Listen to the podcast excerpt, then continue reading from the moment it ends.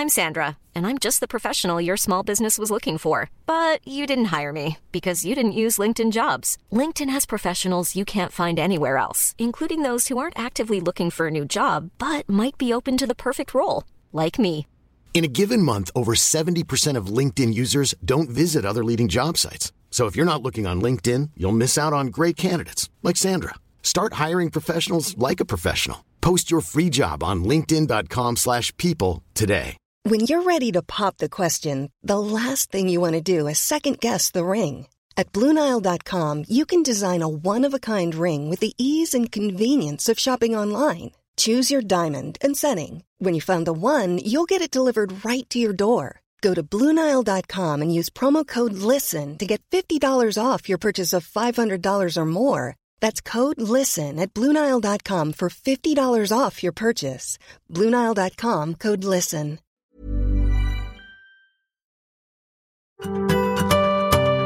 Macradion presenteras av kulander.se. Din personliga mackbutik i Malmö och nu också på Facebook.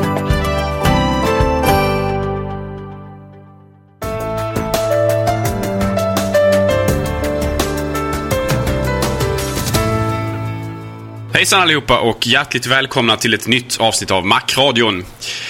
Eh, sedan Macradion spelades in sist så har det ju hänt en hel del i Apple-världen. Apple har bland annat presenterat iPhone OS 4. De har släppt lite ny hårdvara i form av nya bärbara datorer. Men framförallt så har det naturligtvis släppts iPad. Och vi tänkte alltså använda avsnittet idag faktiskt för att fokusera på iPad och eh, skjuta på de här lite andra sakerna till att prata om i, ett, i nästa avsnitt av Macradion istället. Full fokus på iPad idag alltså. Peter Esse, min eh, kollega och kamrat, har haft inte bara tillfälle att eh, prova iPad utan faktiskt också att få äga en och hålla en i handen. Och, eh, Så är det, absolut. det skulle vara väldigt trevligt att få höra dina intryck av, utav den här apparaten. Först och främst naturligtvis hårdvaran. Ja du, min iPad var faktiskt en av de första i Sverige. Jag hade väldigt stor tur där att en kompis, syrra, många turer stack från USA samma dag som den kom. Så att vi hade den här eh, dagen efter då. Och eh, iPad är ju så underbar på alla sätt och vis. Så som vi hade förväntat oss. Och eh, det som gör den... Man kan väl säga så här. När man läste de amerikanska, eller när jag läste de, vissa av de amerikanska recensionerna. De som kom innan den hade lanserats. Så var det här att den var... Eh, att den, den var tyngre än vad ehm, man kunde förvänta sig. Att man ser bilderna och sådär. Va? Och, och jag känner väl någonstans att eh, det är typiskt Apple att det är ingen slump att den väger så mycket som den gör. Sådär. Den är tung nog för att inte kännas plastig, som det lätt kan vara. Eh, Med sådana här saker. Det finns inte så mycket plast på den i och för sig, men eh, ändå. Och eh, den är samtidigt inte för tung heller så att det går alldeles utmärkt att, att ligga och läsa sina böcker eller liknande i den. Sitta och spela, använda gyron för att styra spel och liknande. Och eh, där på alla sätt och vis är den helt perfekt. Sen är, ser den ju ut som, ja den är så snygg som man nästan börjar gråta. Sen så är det också lite häftigt att eh, iPhonen är ju rätt repkänslig. Ehm, Plasten där bak. Det problemet finns egentligen inte med iPaden. Då det är en aluminium, eh, borstad aluminium inte riktigt har det problemet. Eh, eller borstad aluminium är det givetvis inte utan det är ju eh, ja, samma eh, som vi ser på iMacarna och sådär. Eh, det som är på iPodarna, de gamla, som blev repade bara man tittar på dem. Det, det slipper man, så det är väldigt skönt. Men framförallt varför iPad kommer att bli den stora gigantiska succé som vi alla redan har berättat att trodde att den skulle bli när vi började förstå att någonting var på gång. Det är ju att den är ju så vrålsnabb. Det är inte många nanosekunder man behöver vänta. Den är... Eh, allting händer blixtsnabbt. Den har aldrig hängt sig heller. Den är... Eh, jag skulle säga den mest perfekta nya produkt som Apple någonsin har släppt. Det är en oerhört komplett produkt kan man säga. Det är inte som iPhone när den kom. Man kunde man kunde vara ganska... Eh, först, mycket av grejerna förstod vi ju att det skulle komma i början när vi såg iPhonen. Det var, det var inte komplett för fem röda ören. Och ser vi iPhonen idag jämfört med då så, så har den ju kommit väldigt långt. iPaden är ju där iPhonen är idag. Så att den är en oerhört komplett produkt redan från början. Stabiliteten och så vidare kommer ju säkerligen, åtminstone till stor del, av att, eh, precis som vi har pratat om tidigare, Apple tillverkar ju både hårdvara och mjukvara. Således har man ju fördel kontra många andra producenter som förlitar sig på ett operativsystem från tredje part för att tillverka sina eh, konkurrenter då till iPad som kommer att komma i framtiden. De som har dykt upp redan.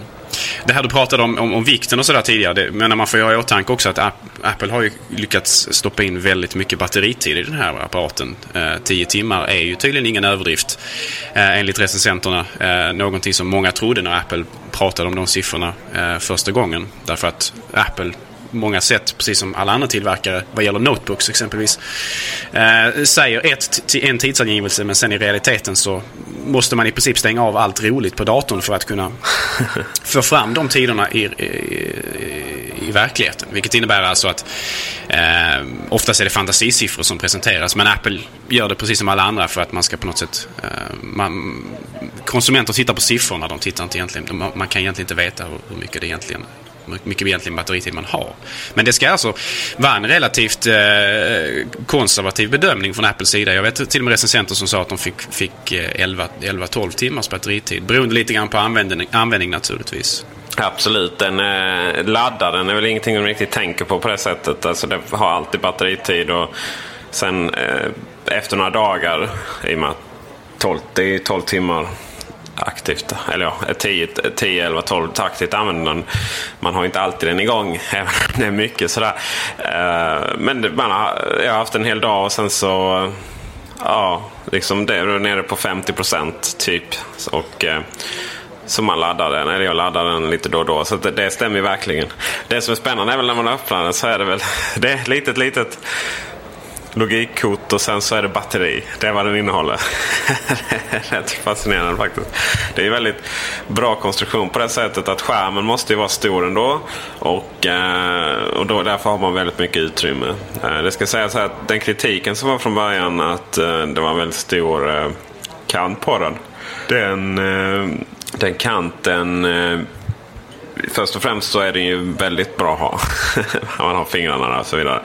Men eh, i verkligheten så är det ingenting som alls känns för stort eller liknande. Det är möjligtvis när det kommer en ny version och, och den minskar eller något sånt där. Då kanske det, den gamla känns konstig. Men just nu så känns det fullständigt naturligt att proportionerna är perfekta. Det känns som det är någonting som, som, som, som jag inte tror kommer förändras så jättemycket ändå. Med tanke på just att våra, våra fingrar blir ju inte mindre. Således så behöver man ju ha den här platsen att kunna hålla den på ändå så att säga. Och dessutom det svarta ger lite fin kontrast mot färgen färgerna på den, vad jag förstått, väldigt fina skärmen. Men om, om vi går tillbaka till, till vikten igen. Alltså det, när man gör en sån här sak, och den här är också väldigt tunn. Den är väl vadå, typ 1,25 cm tjock eller sånt här. Den är väldigt, den är väldigt tunn. Och, och du, du pratar om vikten och så här, att den, den väger ju en del ändå eh, vad jag har förstått, utan att själv ha, ha hållit den i handen, men det är att Apple har lagt väldigt mycket, uppenbarligen väldigt mycket energi på att få den jämnviktig. Alltså så att den väger inte mer på underkanten, alltså undersidan, än den väger där uppe. Så att om man håller den i handen så känner man att den är jämnt balanserad viktmässigt. Eh, någonting som på, på vissa laptops, eh, inte nödvändigtvis från Apple, men från andra tillverkare exempelvis, då kan man liksom känna att ena sidan har ett batteri och andra sidan inte har det för att den liksom, de är ojämna i viktmässigt.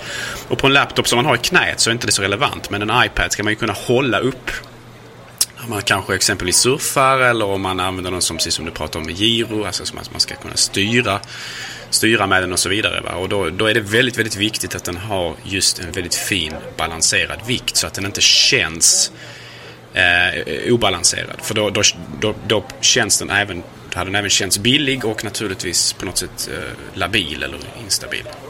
Ja, det är ju någonting som jag inte har tänkt på alls. Utan det är en sak som, det är också typiskt Apple att det blir så naturligt så att man inte ens funderar på det. Hade, hade, det, varit, hade det varit någon eh, ja, snedfördelning där så är det väl någonting som hade varit ganska jobbigt med tanke på att man håller den väldigt mycket. Och eh, visst, det ultimata sättet att använda den är att sitta i, i soffan med uppdragna ben och ha den i knät. Det funkar väldigt bra. Men det, jag går väldigt mycket runt med den också. Sådär, och, och den, är, den är oerhört smidig att hålla i, i vänsterhanden och sen skriva med högerhanden. Eh, på språng. Någonting som aldrig har riktigt funkat med en bärbar dator. Så vikt och på det sättet så är den, eh, ja, med risk för att missbruka ordet perfekt så.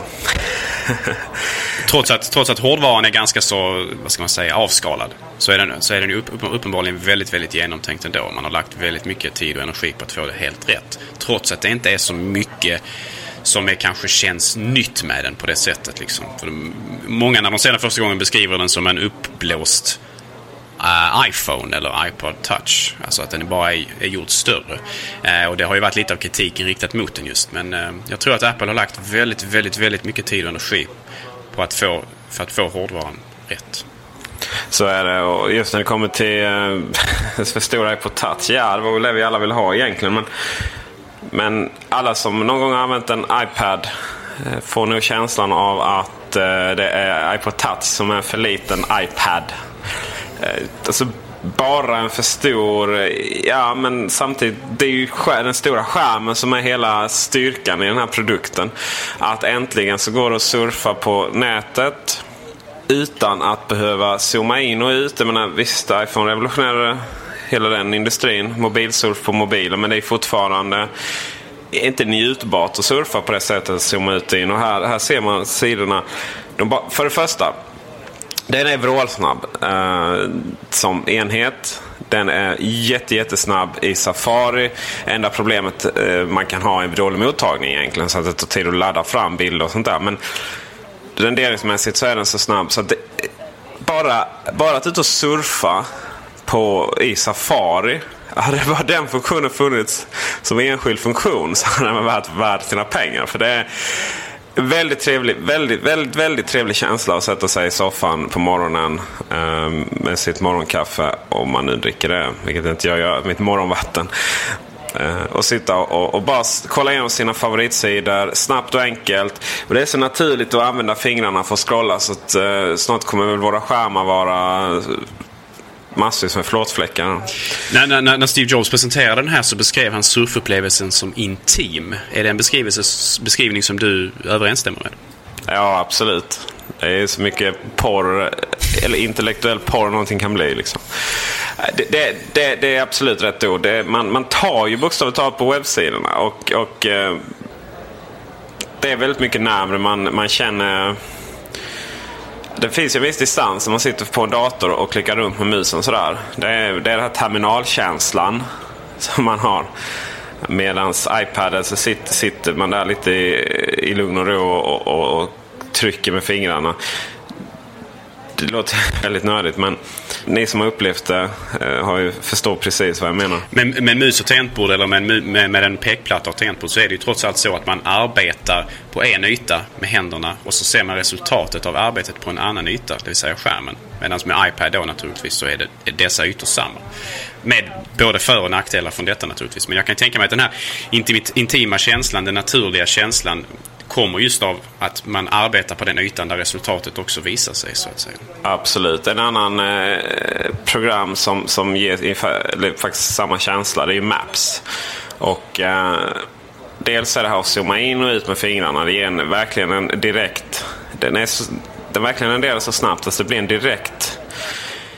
Eh, på, på millisekunden så, så, så blir det... Mm, ja, Eh, jag tar två fingrar och zoomar ut och pinchas. Så eh, det händer, händer direkt och likadant när man zoomar in och sådär.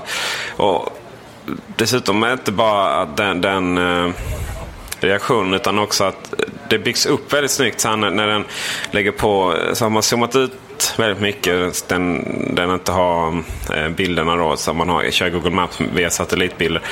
Uh, om man inte har eh, laddat in då minnet då, då vet, på datorn blir det så liksom att ja, det blir de här fula eh, grafiken där det inte finns någon graf, eh, när det inte finns några riktiga bilder. Och sen så kommer de fram då efter någon sekund. Här så kommer de fram på ett helt annat sätt. Det, det fejdas in. Det är väldigt svårt att förklara.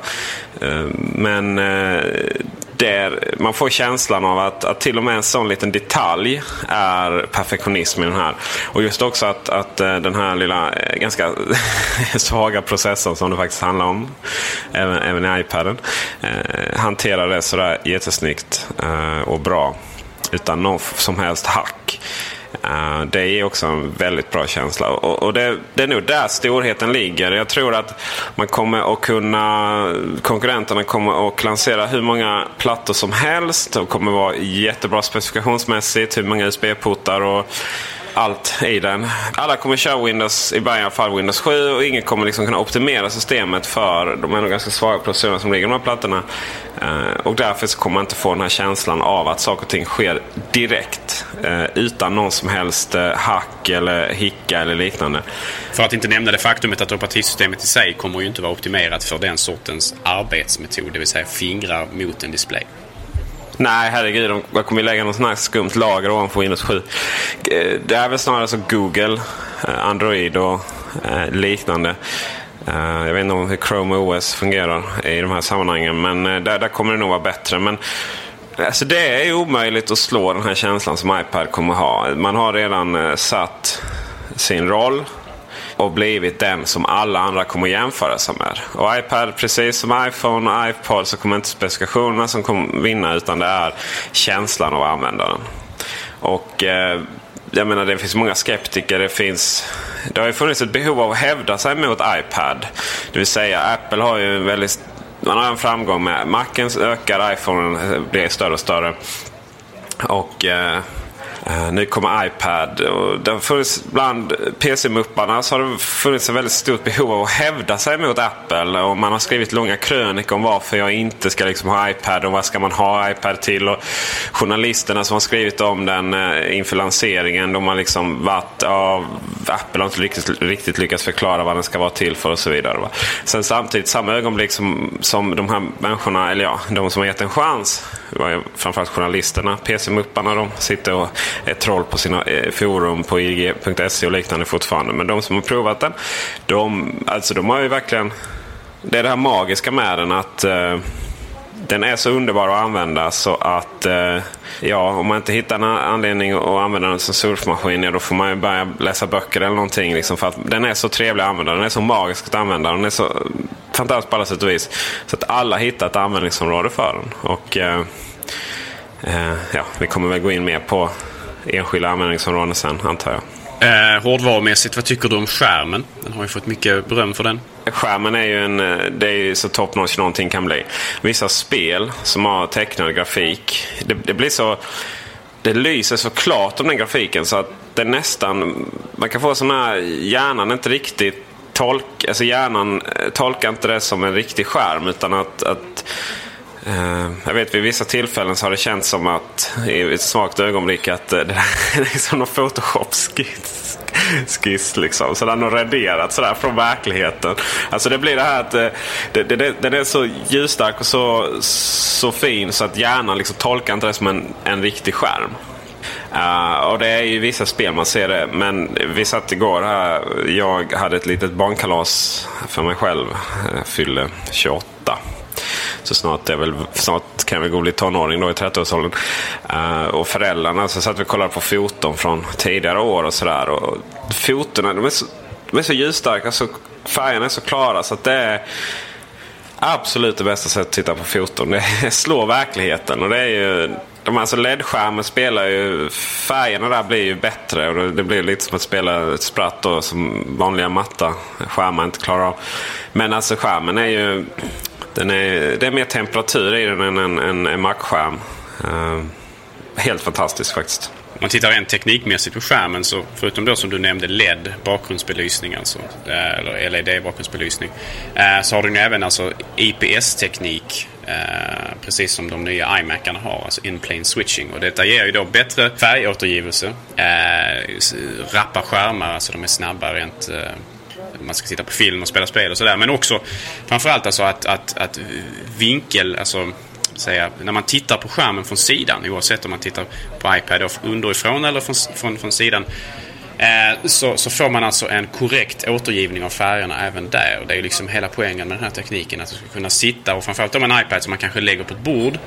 Och när man sitter och skriver då på den, om förutsatt att den ligger plant mot bordet, Ehm, så kommer man kanske inte att titta på innehållet rakt uppifrån. Alltså precis eh, som man, man tänker sig att man annars skulle sett på skärmen när man sitter med den eh, i knät. Utan då kommer man alltså se det lite grann, lite grann underifrån. Och därför är det väldigt viktigt att ha just korrekt färgåtergivning även eh, sett från sidorna. Och det är något som de har lyckats med vad jag förstått från recensionerna Peter. Jo, ja. Det, det är ingen skillnad mer än att ja, den enda skillnaden blir att eh, lamporna lyser lite åt olika håll. Det är fortfarande en väldigt glåsig skärm. Då, så, men, men skärmen i sig är ingen falsk förändring. Och det funkar faktiskt väldigt, väldigt, väldigt bra att, att lägga den ner väl plant och skriva. Det, jag tror att Apple har eh, nästan så att de eh, planerar planerade iPaden när de, eh, när, när de lanserade de nya tangentborden som är också väldigt platta. Sådär. det är lite, visst de, de lutar lite mer men, men eh, det, det är nästan så att eh, samma känsla. och eh, det funkar faktiskt riktigt bra att skriva på. Och man ser, ser precis vad, vad man skriver, vilket är en ganska stor fördel. Eh, det går faktiskt för övrigt väldigt, väldigt fort att skriva. Eh, man ehm, behöver inte riktigt ta... Ja, så iPhone är ändå lite så här pricka rätt då, men här är det bara liksom tryck på det som man vill. Enda problemet är ju att eh, man får hålla in Å, ur, eller A för att få Å och Ä och O för att få Ö. Och det är väl, det är väl enda begränsningen just nu. Men annars så skriver man vrålsnabbt med den faktiskt. Och, de recensenterna jag har läst eh, gör ju gällande att, eh, precis som du säger, man skriver förvånansvärt snabbt med den. Det ligger väl kanske lite, lite under eh, om man ska skriva på ett laptop-tangentbord exempelvis. Alltså ett litet tangentbord och den är ännu, ännu, ännu lite långsammare än om man skriver på ett fullstort tangentbord. Alltså, så att det är på något sätt, den är ändå förvånansvärt snabb men samtidigt så skriver man ju fortare på ett fysiskt tangentbord än på iPad. Så den är inte bättre på det sättet men den är tillräckligt bra för att inte vara dålig jämförelsevis. Ja, absolut. Det var någon som frågade på eh, Alto Mac att eh, är det en... Eh, kan man skriva en uppsats med den som student? Sådär? Jag skulle vilja säga att ja, passar oerhört bra för att ta anteckningar med på, på lektionerna. Men en, ska, ska, ska, ska man skriva en C-uppsats då är det nog att ta fram Bluetooth-tangentbordet. Och som ju går att koppla väldigt enkelt till. Och Apple har ju en väldigt fin liten docka eh, som man kan köpa också där man får en iPad som står uppåt lite mer samtidigt som den är eh, kopplad till ett fysiskt tangentbord. Eh, som ju, ja, de har inte börjat skeppa dem ännu så vi har inte haft möjlighet att testa den då naturligtvis. Nej, de har inte det. En sak där som är, det, det finns ju kritik mot iPad också men ehm, det är ju det är sådana jämförelsevis hur, hur fantastisk den är så, så, är det ju saker som nästan blir löjligt att, att nämna. Men ja, vi är ju inte Mac-användare för att vi inte är perfektionister. Liksom. Och det är, iPad fungerar absolut bäst stående på långkant. Alltså så att man får widescreen-skärm. Kan man kalla det då. Eller, ja, eh, på bredden. Och eh, det är lite synd då att eh, det kan man inte docka den med i och med att eh, dockkontakten är på högersidan där. Eh, det är ju lite synd. Men eh, samtidigt om man skriver så kanske det är bättre annars. Men i de flesta sammanhang så, så eh, sätter man den på långkant. Hur är det med eh, eh, att, så att säga, skriva med tummarna? Eh, exempelvis när man håller i en iPhone. Eh, så håller man kanske den med bägge händerna och så använder man tummarna så här för att skriva. Liksom. Eh, jag kan tänka mig att det fungerar när man har det eh, i porträttläget. Alltså att man, man når hela tangentbordet med två tummar sett från sidorna trots att man håller dem med händerna. Men jag kan inte tänka mig att det fungerar kanske när man har den i det du kallar för widescreen-läget eller liggande läge så att säga. Har du haft tillfälle att prova det? Nej, jag har faktiskt inte det. Jag får dra fram här nu. Men uh, iPhone är väldigt smidigt med att skriva med tummarna. Mm. Att, uh, genom att uh, väldigt mycket lita på uh, rättstavningen. Så så kan man skriva med tummarna då. Men här är det väl inget som behövs egentligen för att det går snabbare att nyttja skriva mer som när man skriver på datorn. Sådär. Det går egentligen mycket snabbare att hålla den med en hand, vänster, och sen så skriva med alla fingrarna på högerhanden. Eh, just för att det behövs inte... Man är inte riktigt lika rörlig om, om man använder tummarna sådär. Så att, eh, det är nog ingenting som jag tänkt på. Men eh, vi gör ett test här live i Macradion.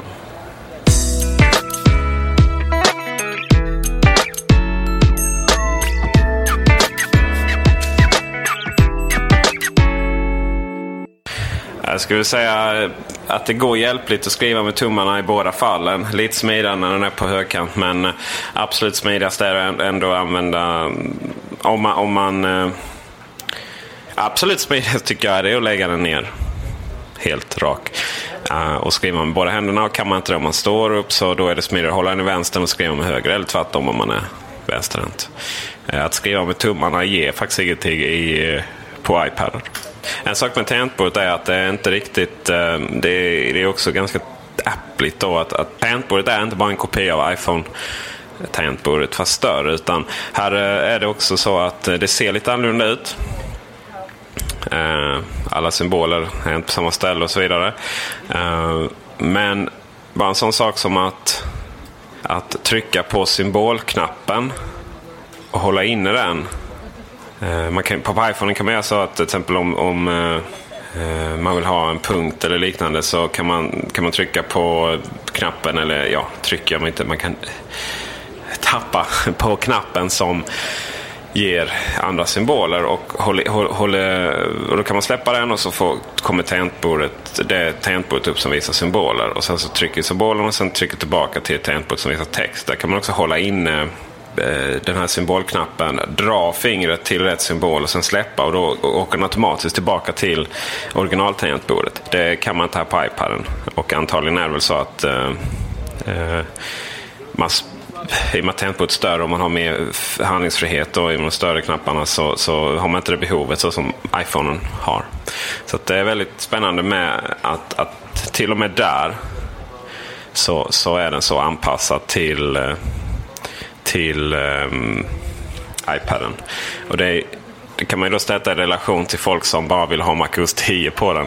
Uh, på tal om anpassning då liksom. Alltså en sak som jag alltid har saknat i, i iPhone och iPod Touch och nu även naturligtvis i iPad det är möjligheten att justera så att man har andra tangentbordslayouter. Um, och då menar jag inte andra språk utan jag menar alltså andra layouter rent fysiskt. Den layouten som vi använder uh, till vardags som de flesta människor har i sina datorer och så vidare är den som kallas för kuverti. Det är alltså de översta, uh, längst upp till vänster bokstäverna, uh, de sex första bokstäverna. Ehm, det är alltså en layout som egentligen härstammar från skrivmaskinens dagar. Så det är en väldigt, väldigt gammal layout och den gjordes faktiskt eh, låten är gjord faktiskt för att vara långsammare att skriva på än vad många andra låtar är. Och anledningen till det var att när man använde gamla skrivmaskiner en gång i tiden så hade de ju liksom fysiska armar som skulle upp och hamra på sidan sådär va. Och om man skrev alldeles för fort då, eh, väldigt många människor när de lär sig skriva på skrivmaskin, eller i, i det här fallet då våra tangentbord, så, så skriver man ju snabbare med tiden. Och Problemet med de gamla mekaniska Eh, skrivmaskinerna var att armarna, om man, om man skrev för snabbt så hann två armar upp samtidigt och så fanns det risk att de kunde fastna tillsammans. Så man gjorde den här QWERTY-layouten från början. Då var det med avsiktligt att den skulle vara långsammare att skriva på. Så man, man, man la upp den så att den skulle vara suboptimal. Bara för att just då de här, eh, det här problemet med att armar låste sig mot varandra inte skulle, skulle inträffa. Men sen lärde sig ju alla människor att skriva på skrivmaskin med det här layouten och sen så har det då fortsatt och tagits över till datorvärlden där vi, när, vi, när vi inte har det problemet längre med armar som kan låsa sig mot varandra. Eh, och då har man fortfarande en layout kvar som är kanske då suboptimal, alltså den är gjord för att vara långsammare än vad den egentligen kan vara om man hade haft en annan layout. Och det finns ju andra layouter man kan välja exempelvis eh, i datorbranschen. Eh, det finns Dvorak-layouten exempelvis som är, där, där helt enkelt knapparna sitter på lite andra platser men som då är mer kanske optimerat för att skriva snabbare.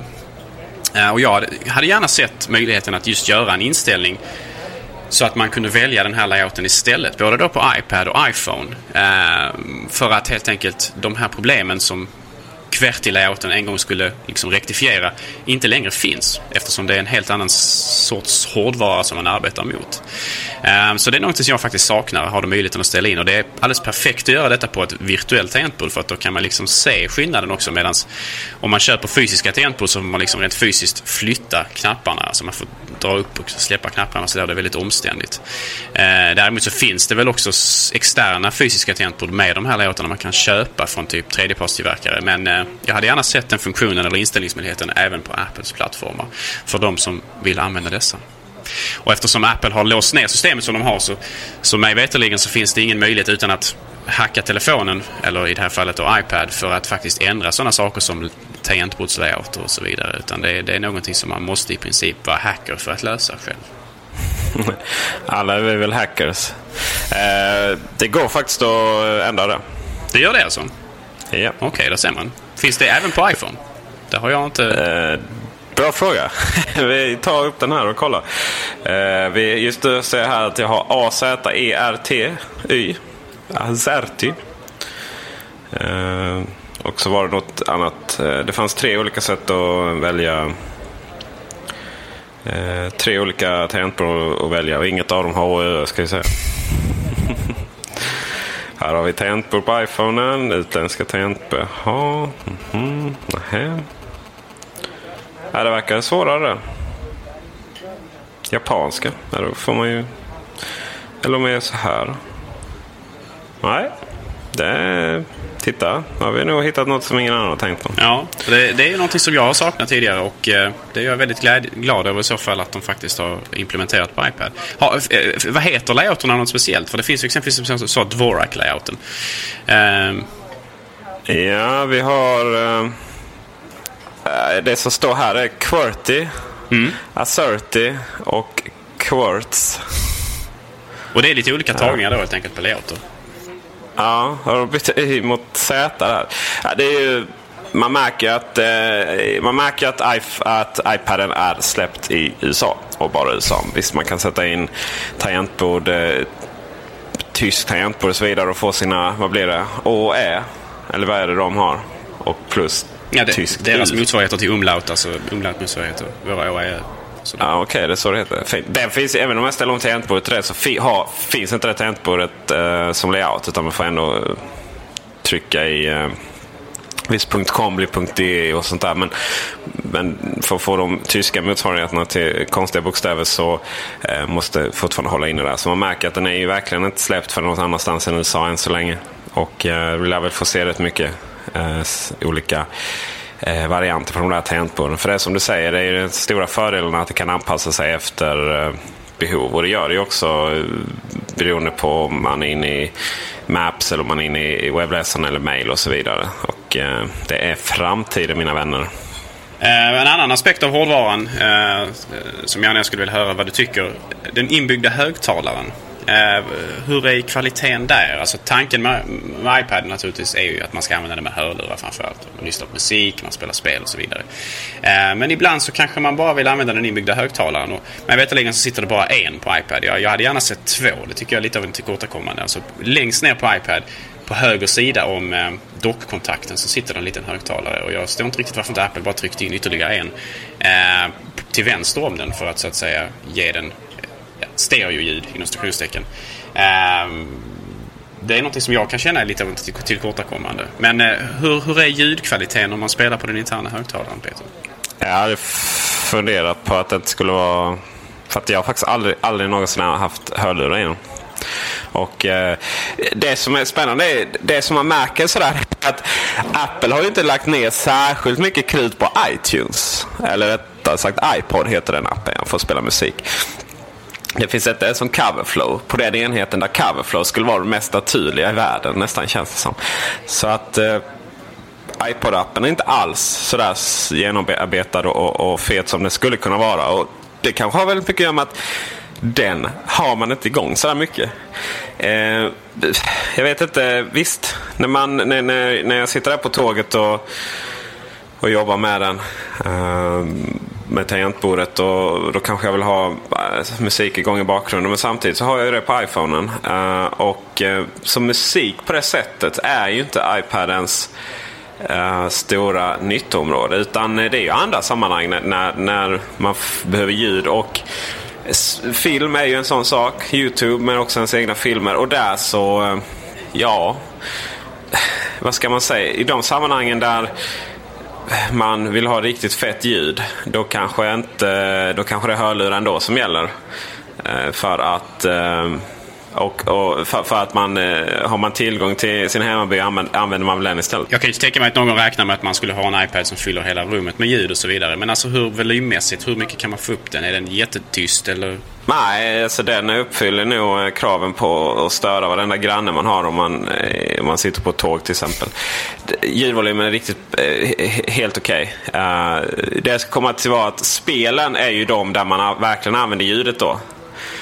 Uh, och uh, det, det, här är faktiskt så mycket tryck i ljudet så att det är nästan som man tror att det får feedback på den. För att eh, i, i, i, spelen drar dra, dra vi upp eh, volymen. Och, och, den är faktiskt verkligen inte, man har inte den på högsta volym. Det har man absolut inte. Det har man ju, iPhone har man ju det om man inte kör med hörlurar. men om man drar upp på rätt hög volym och kör ett racingspel då, då, känner, känner, då känner man alltså om ljudet förändras efter, det gör det ju i och med att man kör in till exempel i en vägg eller man kör upp i gräsmattan och så vidare. Vilket är ganska enkelt. Då, Eh, då förändras ljudet och det kän, känns också för att den vibrerar lite i takt med ljudet när man känner den. Så att eh, det är så här, omedveten feedback på den. Så att eh, där, jag har verkligen inte funderat på någonting annat. Att, att, eh, att, eh, det saknas en högtalare på vänster sida eller någonting sådär. Okej, okay. för alltså just det här med att man stoppar en hörlur, alltså man använder hörlurar och sådär. Och det, det, då får man naturligtvis mycket bättre ljud än en inbyggd högtalare. Det får man ju räkna med. Men samtidigt så är det också det att när hörlurarna sitter i med sladd och så vidare så är, är man ju lite mer begränsad i hur man kan hålla iPad och så vidare och spel och sådär och sladden kan komma i vägen. Jag tyckte det var ett problem på iPhone framförallt om man skulle köra typ bilspel där man skulle hålla iPhone Eh, på ett sånt sätt så att man styrde med iPhone också. Eh, hade man då hörlurar istoppat så kunde den sladden komma i vägen och sådär och det blev lite bökigt. Jag vet inte riktigt hur, hur det är på iPad. På iPad har man ju mer yta att hålla i också på sidorna så att det kanske inte är så stort problem där. Det, det har man om man eh, har inte så stora svängningar i acceleratorn och sådär. Det, på det hela taget så är ju iPad den ultimata spelmaskinen egentligen. Det är ju framförallt där, där den rör på sig. Och även om det inte finns så mycket bra spel just nu till iPad, det gör det faktiskt inte. Men eh, eh så, så, är det ju onekligen på väg. Och eh, de spel som jag tankat hem är riktigt roliga att spela. Jag har aldrig tyckt att spel med gyro på på eh, iPhone varit sådär jätteroligt. Alltså rent generellt har inte spel på iPhone varit kul överhuvudtaget. Sådär SimCity, Red alert. Alltså det, det blir för litet.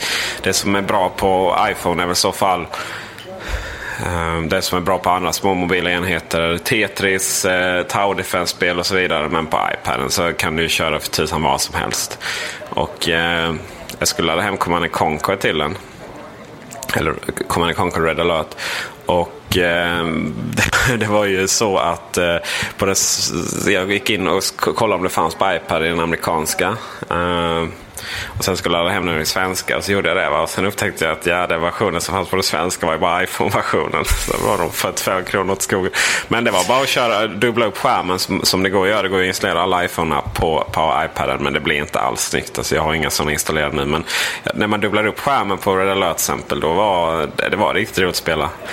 Uh, och uh, iPad som spelmaskin kommer ju att förändra allting. Stack, jag säger vad, I, I, vad iPhone gjorde för mobilbranschen och vad iPod Touch har gjort lite för spelbranschen. Det är ingenting mot vad iPad kommer göra för Nintendo och, PS, och Sony. PSP. De kommer ju fasen... Eh, det kommer vara som en... Hiring for your small business? If you're not looking for professionals on LinkedIn, you're looking in the wrong place. That's like looking for your car keys in a fish tank. LinkedIn helps you hire professionals you can't find anywhere else, even those who aren't actively searching for a new job but might be open to the perfect role. In a given month, over 70% of LinkedIn users don't even visit other leading job sites. So start looking in the right place. With LinkedIn, you can hire professionals like a professional. Post your free job on linkedin.com slash people today.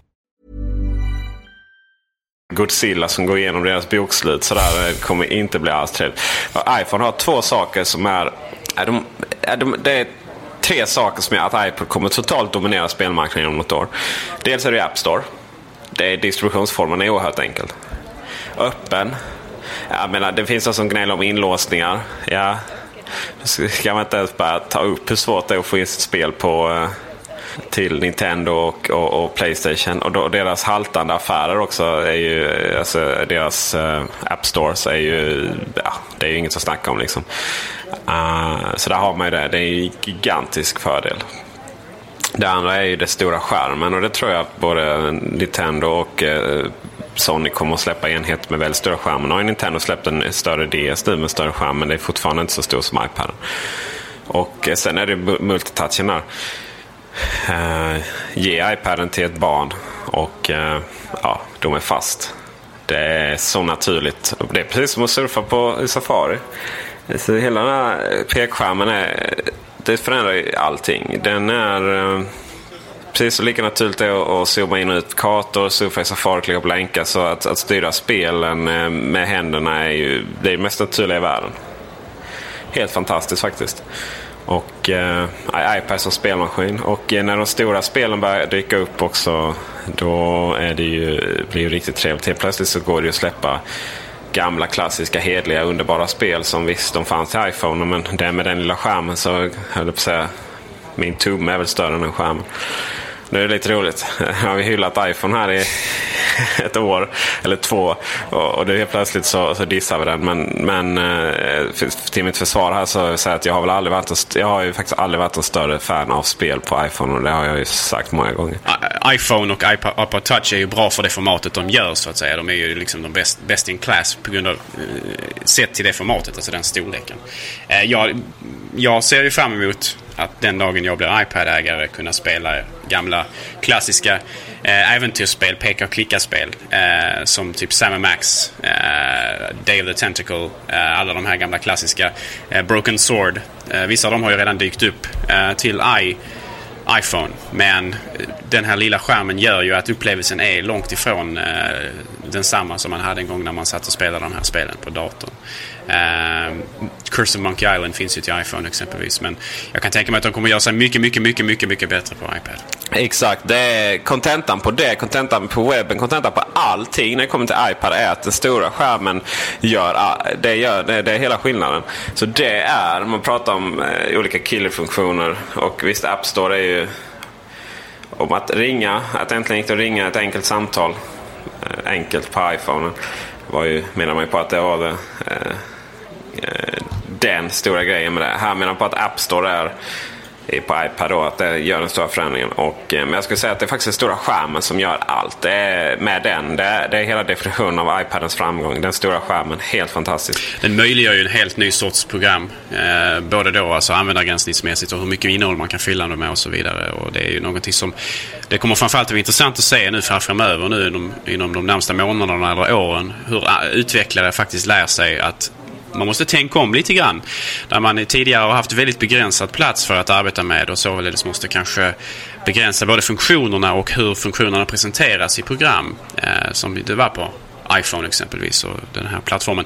Så är det ju en helt annan sak nu på iPad istället. Då har man mycket mer utrymme och sådär. Och det, det handlar naturligtvis både om att man kan presentera mer innehåll men också att man måste på något sätt anpassa användargränssnittet därefter. Och det, det kan ju säkert även vara så att man kommer ha svårt till viss del med att faktiskt eh, fylla ut användargränssnittet. Jag vet att vissa av Apples egna program som följer med, jag tror det är den här adressboksprogrammet.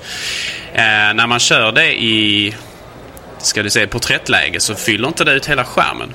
Är det inte så Peter? Alltså att du får så här svarta sorgkanter uppe och nere. Jag har sett det på skärmdumparna. Alltså det fyller inte ut skärmen helt. Det stämmer det. Och det, det, det är lite sök.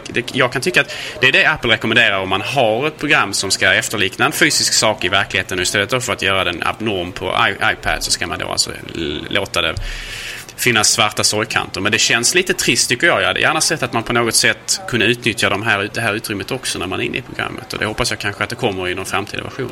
Det finns ju program som eh, Twitterlator till exempel. Där är det ju, ja det är inte svarta kanter runt men det är stor bakgrund istället som är väldigt snygg. Eh, som man då fyller på med olika fönster. Men snygga sätt att lösa det på är ju till exempel iBooks där eh, man har eh, där det visas en sida när den är i ett läge och när man lägger den då i porträttläge så, eller ja, ska vi se. Är definitionen nu? Alltså har man en stående på, hög, på eh, högkant så är det, då visas en sida och sätter man ner så på sidan så är det två sidor som visas. Och eh, skulle vi... Stående och liggande kan man kalla dem här efter så blir det skulle, skulle man kunna, kunna göra, ja, precis. Absolut, det skulle man kunna göra. Eh, när vi ändå är inne på iBooks så kan vi ju diskutera det lite och eh, jag läser inte böcker, men eh, nu jävlar ska jag börja. Alltså. Det är... Problemet med böcker är att jag är inte den som läser dem på kvällarna. På kvällen. Eh, har massa böcker. Det är inte som min sambo. Hon har hur många böcker som helst. Det är Nattduksbordet. Men jag läser inte böcker på det sättet. Jag läser böcker när jag har väldigt tråkigt. Till exempel om man har, sitter på eh, Arlanda och väntar på att vulkanutbrottet ska sluta. Till exempel då har man ju aldrig några böcker ändå. Liksom. Och så är det säkert mitt i natten också så Pressbyrån är stängd. Så man kan inte köpa någon där heller. Det är ju då iPad verkligen kommer till sin fördel. Eh, det är en annan sak med iPaden som gör att den kommer slå ut så mycket annat. Det är att den, den har, i och med att det går att göra, det finns ett iPad-app för varje situation i princip. Och eh, därför har, har man alltid iPaden med sig. Och eh, där har, betyder också att man har ett gäng böcker, iBooks. Eh, och då är det bara att ta upp den och läsa. Och eh, den har ju fått viss kritik där att eh, läsplattorna de har ju ingen bakgrundsbelysning för det är jobbigt för ögat och så vidare.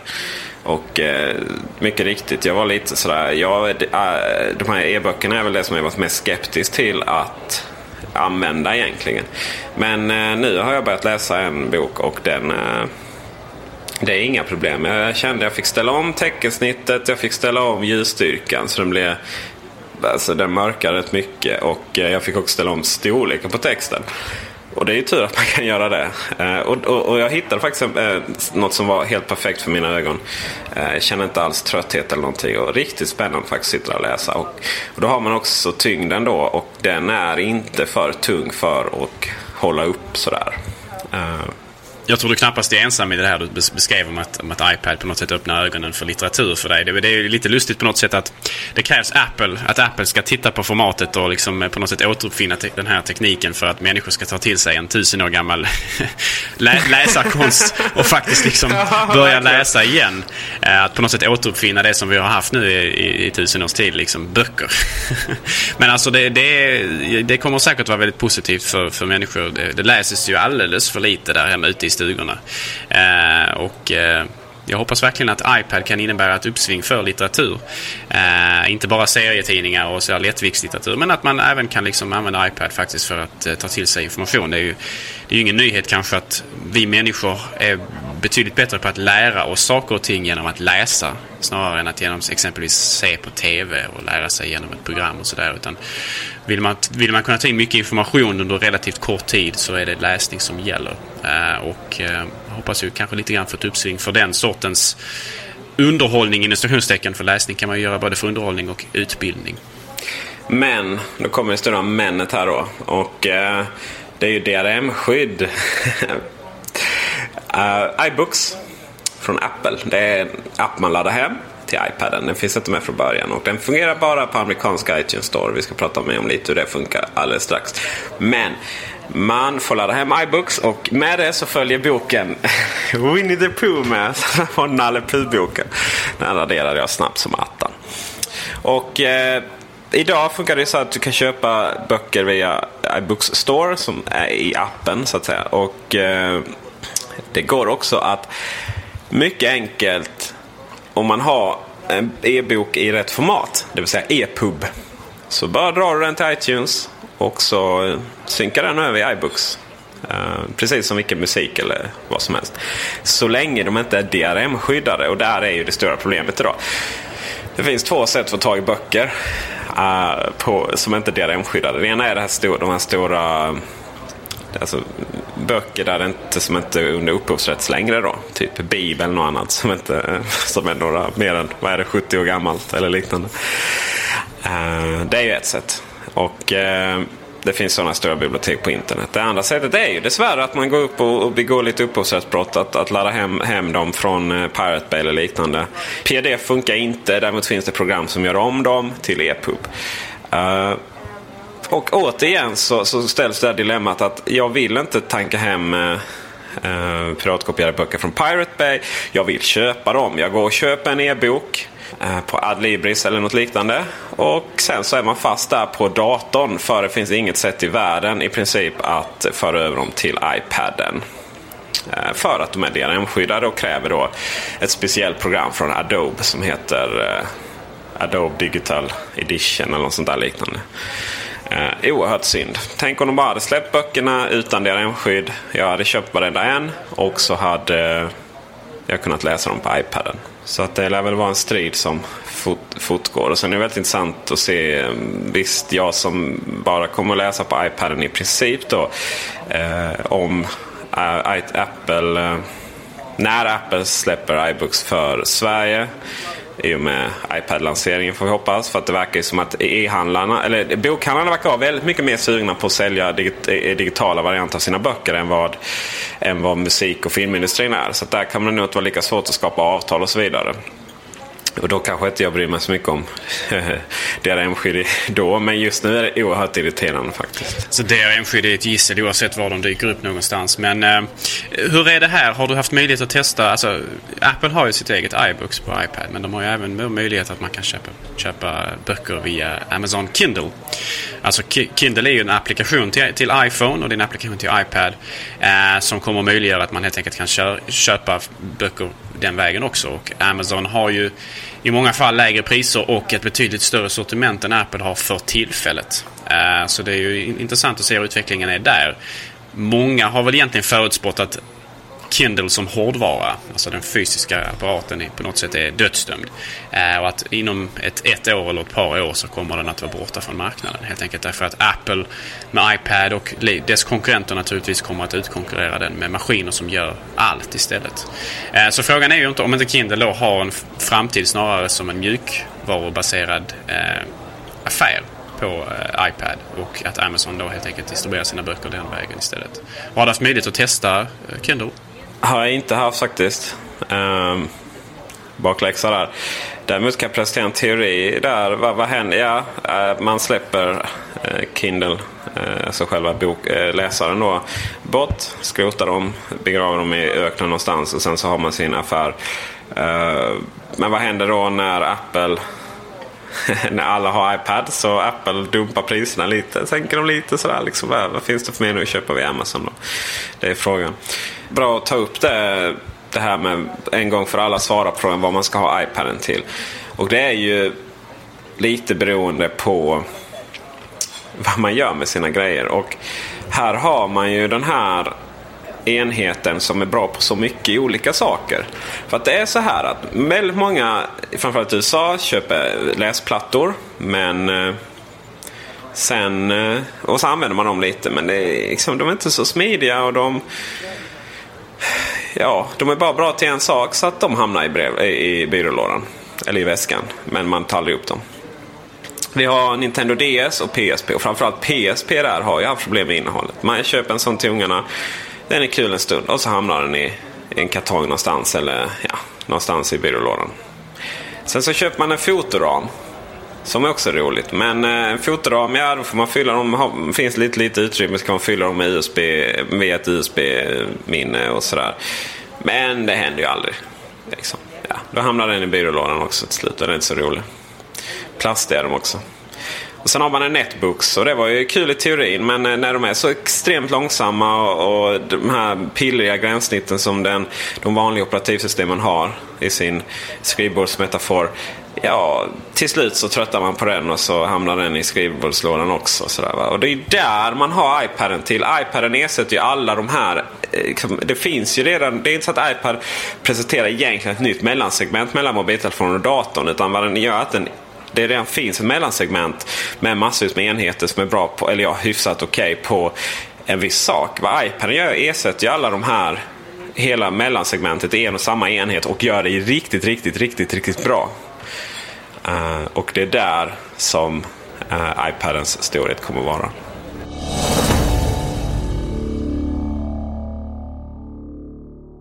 Ja, och vi som har oturen att bo i Sverige, åtminstone i det här fallet då, som inte har haft möjlighet att få köpa iPad officiellt ännu, utan som får hämta hem dem från USA. Det råder lite förvirring där ute då kring eh, hur gäller det med App Store egentligen? Alltså kan vi köpa program eller kan vi inte köpa program och så vidare. Vi vet ju att det finns vissa tillkortakommanden som att vi inte har svenskt tangentbord eh, som standardlayout och så vidare. Men, men hur är det med program egentligen? Jo, följande gäller. man märker ju att vissa recensenter inte riktigt har lagt ner allt sin själ i detta. Från vissa mainstream-tidningar. Så här. Följande gäller. Uh, det finns App Store, eller iPad-program på svenska App Store. Använd iTunes, logga in på iTunes Store, sök upp det du vill ha. Och ladda hem, precis som vanligt. Och det finns alltså iPad. När man, när, när man söker efter ett program Eh, som finns till iPad eller finns till eh, både iPhone och iPad. Vissa är sådana Universal. Då står det sådär iPhone app, iPad app. Mycket enkelt uppdelning. Köp och ladda upp. Dock finns det inget sätt att bara, nu vill jag visa alla iPhone-app eller nu vill jag visa alla iPad-app. Det finns inte i den svenska. Det finns däremot den amerikanska. När man loggar in där så finns det längst upp så bara iPad, I, iPhone. Mycket enkelt. Eh, så att eh, ett sätt är att eh, helt enkelt gå in i den. Jag brukar gå in på amerikanska och browsa lite och sen så ja, skriva upp vad det, är det ska vara och så gå in på svenska och söka upp det. Men det finns ju program dessvärre som inte finns på den svenska dock. Det är bland annat Pages, Keynote Numbers från Apples iWork Suite. iBooks finns inte i svenska. Uh, uppenbarligen finns inte heller Command Conquer Red Alert. Uh, som jag upptäckte av ett litet misstag. Eh, det är också så att eh, på I iPaden så finns App Store. Där finns bara på amerikansk version. Så kan man logga in med sitt svenska iTunes-konto och säga att det här är svensk och det kan vi inte hjälpa dig med. Så att vill du köpa direkt därifrån så eh, måste du ha ett amerikanskt konto. Det är en annan liten irriterande grej att på App Store när det kommer till uppdateringar även till de svenska så då säger ikonen på App Store att att eh, det finns en uppdatering och så trycker vi på den och så säger att den här finns bara på, på svenska då. Eh, och så kan vi inte hjälpa dig. Så då går inte att uppdatera den vägen. Men då, då får man helt enkelt uppdatera dem via vanlig iTunes Store. Och sen så eh, nästa gång man loggar in på på App Store så har de här röda fula grejerna försvunnit. Uh, och det är, det är så man får göra helt enkelt. Och uh, vill, vill man så kan man köra med konst iTunes-konto, det är inga problem. Uh, det är köp presentkort på Ebay och sen så registrerar du dig. Ta vilken amerikansk adress som helst. Man behöver alltså inte ha ett kreditkort längre. Och eh, det är heller inga problem att ha eh, appar både från svenska och amerikanska kontot på ett och samma ställe i iTunes Store. Alltså i iTunes. Den synkar över som vanligt. Eh, det enda problemet är om man ska uppdatera alla. Då fattar den inte det. För då säger den ja den här har ju inte du originalversionen av. Nej, men det är för att fel konto är inloggat. Så då får man uppdatera de svenska för sig. Då trycka uppdatera manuellt. Och sen när det är klart så, så byter man konto och loggar in på iTunes Store amerikanska och så uppdaterar man dem. Så är det klart.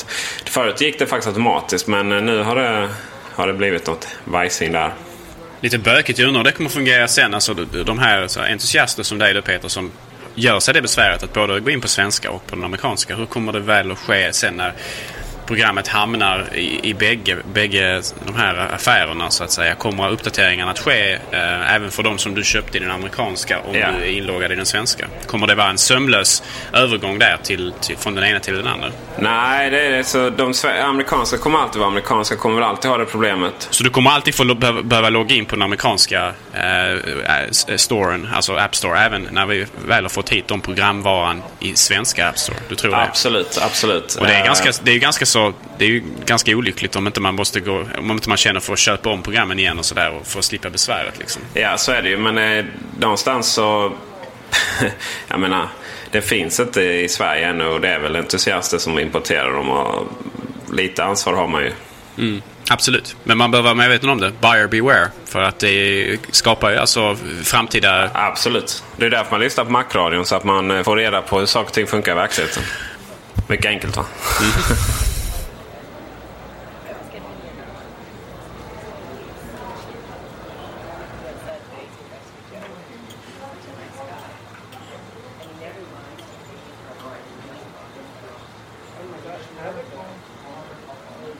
Ja, och en annan sak som har skrivits en hel del om ju, det är ju framförallt naturligtvis att Microsoft åtminstone initiellt har sagt att de kanske inte är intresserade av att släppa Office-paketet till iPad. Och åtminstone har de inga långtgående planer på att göra det. De kanske inte arbetar på koden just nu. Jag tror personligen att de kommer att ändra ståndpunkt där i, slutet därför att iPad kommer att bli så pass stor så de inte kan undvika den marknaden om de inte vill att Office ska tappa marknadsandelar till konkurrenter. Framförallt då naturligtvis Apples motsvarighet som heter iWork-sviten. Um, ehm, och Peter, har du haft tillfälle att prova Pages, uh, Keynote och Numbers och har möjlighet att ge oss lite dina initiala intryck av dessa applikationer? Absolut. Det var ju för väl att jag gjort det. Ehm, det, det är fantastiskt. Alltså det första man går in på det är fantastiskt snyggt. Och man blir så sjukt imponerad och vill bara ha dem fast man egentligen inte använder dem. För att jag skriver inte i Pages, jag använder Google Docs. Men eh, jag vill ha det där ändå. det är, de är så snygga så det är sexigt. Och och eh, väldigt bra fungerande. Fungerar precis så som man vill ha det. I vissa sammanhang när det ska förstoras och minskas så gör massvis av saker samtidigt. Då märker man att eh, processorn är fortfarande bara en liten skiten mobilprocessor. Men, men eh, eh det är så grymt snyggt. Och det är verkligen funktionellt också. Jag menar Pages, ja man skriver, man kan förstora och förminska och eh, teckensnitt och så vidare. Indrag, eh, tabeller, eh, kolumner och så vidare. Det funkar riktigt bra. Numbers, ja, det är ett jävla ark. liksom. A, B, C, D, 1, 2, 3 och sen så lägger man lite data där. Eh, Keynote. Givetvis så är det inte riktigt lika fräscht som dess desktop-varianter men eh, ja, över all förväntan. Däremot så finns det väl lite, lite, lite dilemman där. Det är så att eh, programmen i sig är riktigt trevliga men Apple måste anamma måltanken. Om jag skriver något i Pages, ja då ska jag synka in den. Eh, genom att koppla in eh, USB-kabeln och sen så in i iTunes och sen så går jag någonstans i någon flik där på iPaden. Jag har det för till och med här uppe här. Eh, är det program? Ja just det, program. Så att markera iPoden i fliken program. Ni vet att man kan välja vilka program som ska synkroniseras. Så eh, Eh, Eh, där längst ner har jag fildelning så kan jag trycka på Keynote, jag kan trycka på Numbers och Pages och så ser jag vilka dokument som finns där. Och jag kan lägga till dokument så jag kan föra över det på den vägen. Det är ju helt hjärndött system. Jag hoppas så mycket mer på iPhone OS 4 till iPad som kommer i höst där. Vad jag vill göra är att om jag skriver någonting i Pages på min dator och så sparas det. Och då ska jag bara kunna välja Pages på iPaden och så finns det där helt magiskt. Givetvis via iWork.com då. Eh, det är så det måste fungera. För att sitta med eh, dokument på det här sättet är... Eh, ja, det, det funkar inte i praktiken alls faktiskt. Alltså där har ju Google naturligtvis en oerhörd eh, fördel just att de erbjuder de här molnbaserade tjänsterna eh, kostnadsfritt. Eh, jag vet inte riktigt hur mycket pengar som Apple tjänar på att ta betalt för Mobile Me. Det är säkert en rejäl summa pengar för oss entusiaster som betalar för det. Men jag undrar om inte Apple hade haft mycket att vinna i slutändan på att faktiskt bara göra de här tjänsterna tillgängliga för alla. Så att när man exempelvis som tredjepartstillverkare skriver sina program så kan man alltså utgå ifrån att alla som köper programmet också har tillgång till molnet via då alltså iWork.com eller naturligtvis alltså via Mobile Me-tjänster. Alltså så att man, för då, då, då, kan utvecklarna ta, ta, ta detta för givet och då, då kan man liksom använda molnet på ett helt nytt sätt. Just för att synka mellan, mellan saker som exempelvis att synka mellan, som du sa nu, iPad och iPhone. Men naturligtvis också till Macen. Eh, och eventuella framtida plattformar som Apple upptäcker. Eller uppfinner om du så vill. Eh, jag hoppas verkligen att man gör någonting där. Jag, jag, alltså, jag tycker inte, jag, för mig är Mobile Me värt pengarna. Jag betalar gärna för det. Men eftersom det är väldigt många människor som inte har råd eller vill lägga de pengarna på det så hoppas jag verkligen att man på något sätt till, tillhandahåller den här tjänsten ändå. Eh, för att jag tror att i, slutändan så har plattformen som sådan oerhört mycket att vinna på att just man kan utgå ifrån att användare har tillgång till den här tekniken. Eh, och, och, man måste, jag tror man måste göra det för att konkurrera med Google helt enkelt. Google är villiga att ge bort väldigt mycket gratis och Apple måste nog mötas eller möta upp där och faktiskt göra detta också. Så, absolut. Eh, det är ju så sak som Game Center som man kommer släppa i med iPhone OS 4. För övrigt kommer vi diskutera iPhone OS 4 i nästa avsnitt nästa vecka. Eh, mer. Men eh, det är ju Game Center och det är ju en tjänst som säkert kostar mycket pengar att driva med alla servrar som kräver det. Men det är ju någonting som verkligen cementerar iPaden och iPhonen som en riktig spelmaskin. Och, eh, jag tror det är väldigt viktigt att man gör det här också. Och det är ju inte bara Pages, Keynote och Numbers. Det är till exempel One Password som jag är väldigt stort fan av.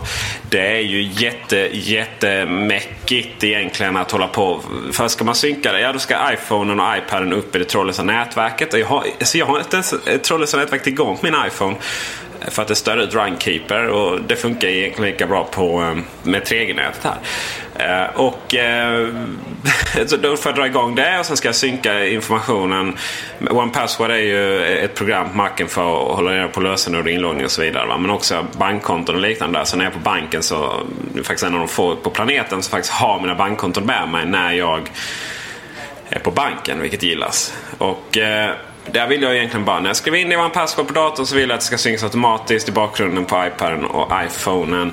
Så är det inte idag. Likadant Things som jag inte ens använder för att ja, det blir inte så att jag... Eh, jag synkar inte mina enheter ihop med datorerna så mycket för att jag har liksom, jag har en dator hemma, jag har en på jobbet. Uh, och eh, man vet knappt vilken dator man ska synka med och när man gjorde det sist och så vidare. Va? Och där måste Apple fixa någonting riktigt, riktigt bra. Men eh, ja, det har inte så mycket med iPaden att göra egentligen. Använder man istället eh, konkurrenten till One Password som jag rekommenderar så otroligt mycket Wallet. som, finns både, som, finns både till, som finns både till eh, iPhone och till Macen. Och den kommer att komma till iPad också. Jag pratade med utvecklarna om detta. Eh, så eh, har man faktiskt möjlighet att synka via MobileMe. Alltså den, den synkar via molnet där då. Så behöver man inte hålla på och starta trådlöst nätverk hemma och så vidare. Utan där har man verkligen synkning via, via en plats på MobileMe. Om man har betalt för MobileMe-tjänsten naturligtvis. Så att där har man ju den möjligheten i varje fall. Jag, jag trodde faktiskt att det fanns på OnePassword också. Nej, de eh, kör eh, via det som så många andra gör. Things, Things kör också via trådlösa nätverket. Och antagligen är det väl så att det krävs en mycket utvecklad tid att fixa ihop det på ett bra sätt uh, med synken. Då. Och uh, det hade ju varit det är ju faktiskt Apples skyldighet att fixa det. Mm, ja, det kan man verkligen tycka. För, för plattformens bästa. Ja. Och det är jag säker på att de här datacentren som poppar upp runt om i världen är väldigt, för Apple, eller i alla fall runt om i USA, handlar väldigt mycket om de här tjänsterna. Men då gäller det också... Carry on. Förlåt. Jag, jag, jag ska flika in och säga. Men då gäller det ju också att man verkligen, verkligen, verkligen. Man får eh, anställa, ta, nu när man är ovänner med Google får man väl börja ta personal. Så in i Norden.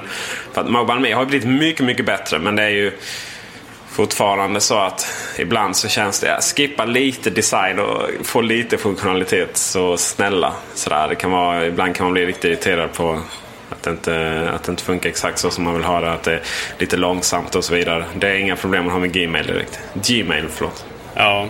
Här på, här på Mac-radio så, så, så, hoppar vi oftast mellan makro och mikroperspektivet. Alltså både det stora och det lilla. Och nu pratar vi om de visionära sakerna om vad Apple ska göra i framtiden. Men jag vill, jag vill snäva ner fokus lite grann här nu när vi ändå pratar om iWork till det absolut det väldigt, väldigt, väldigt lilla.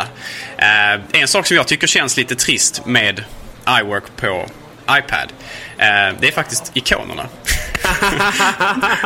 Vi snackar mikroperspektiv nu, okej? Okay? Alltså, jag tycker det är lite trist att man bara har tagit standardikonerna från, från eh, Mac-miljö och sen så har man lagt dem på en, liksom en, en, en, en liten, liten yta som ska, ska göra ikonen i samma form som alla andra eh, iPad och iPhone-ikoner har. Alltså den här fyrkanten med rundade hörn och sådär. Jag, jag tycker att man borde ha kunnat lagt lite krut, lite energi på att göra dem finare och göra dem så att man bara ser vad det nu ska avbilda använda kanske. Eh, men samtidigt så att det känns mer som om man utnyttjar den här, den här arbetsytan ändå så att säga. Jag tycker det, det är lite fusk att bara liksom lägga en, en, en, en tråkig liten eh, desktop-ikon på en bakgrund som ska fylla ut den. Eh, och det gjorde man tidigare exempelvis med den här appen som, fanns, som finns på iPhone som, eh, där man kan komma åt sin iDisk. iDisk-appen tidigare var också så att man hade gjort, avbildat en hårddisk som man hade tagit från, från Macens miljö, alltså från Macens skrivbordsmiljö och bara lagt det mot en bakgrund. Men i och med eh, uppdateringen som kom för ett tag sedan så har man faktiskt eh, fyllt ut så att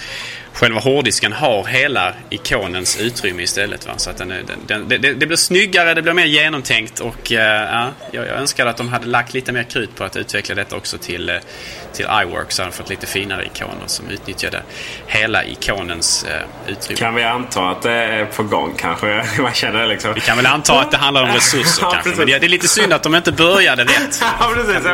Varför kan man inte göra allt rätt från liksom. början? det, är, det var det som du sa innan. Men det är bakläxa på det i mina ögon. Absolut. Okay. Ja, det, jag, har inte, jag, har inte, jag har inte funderat en tanke på det.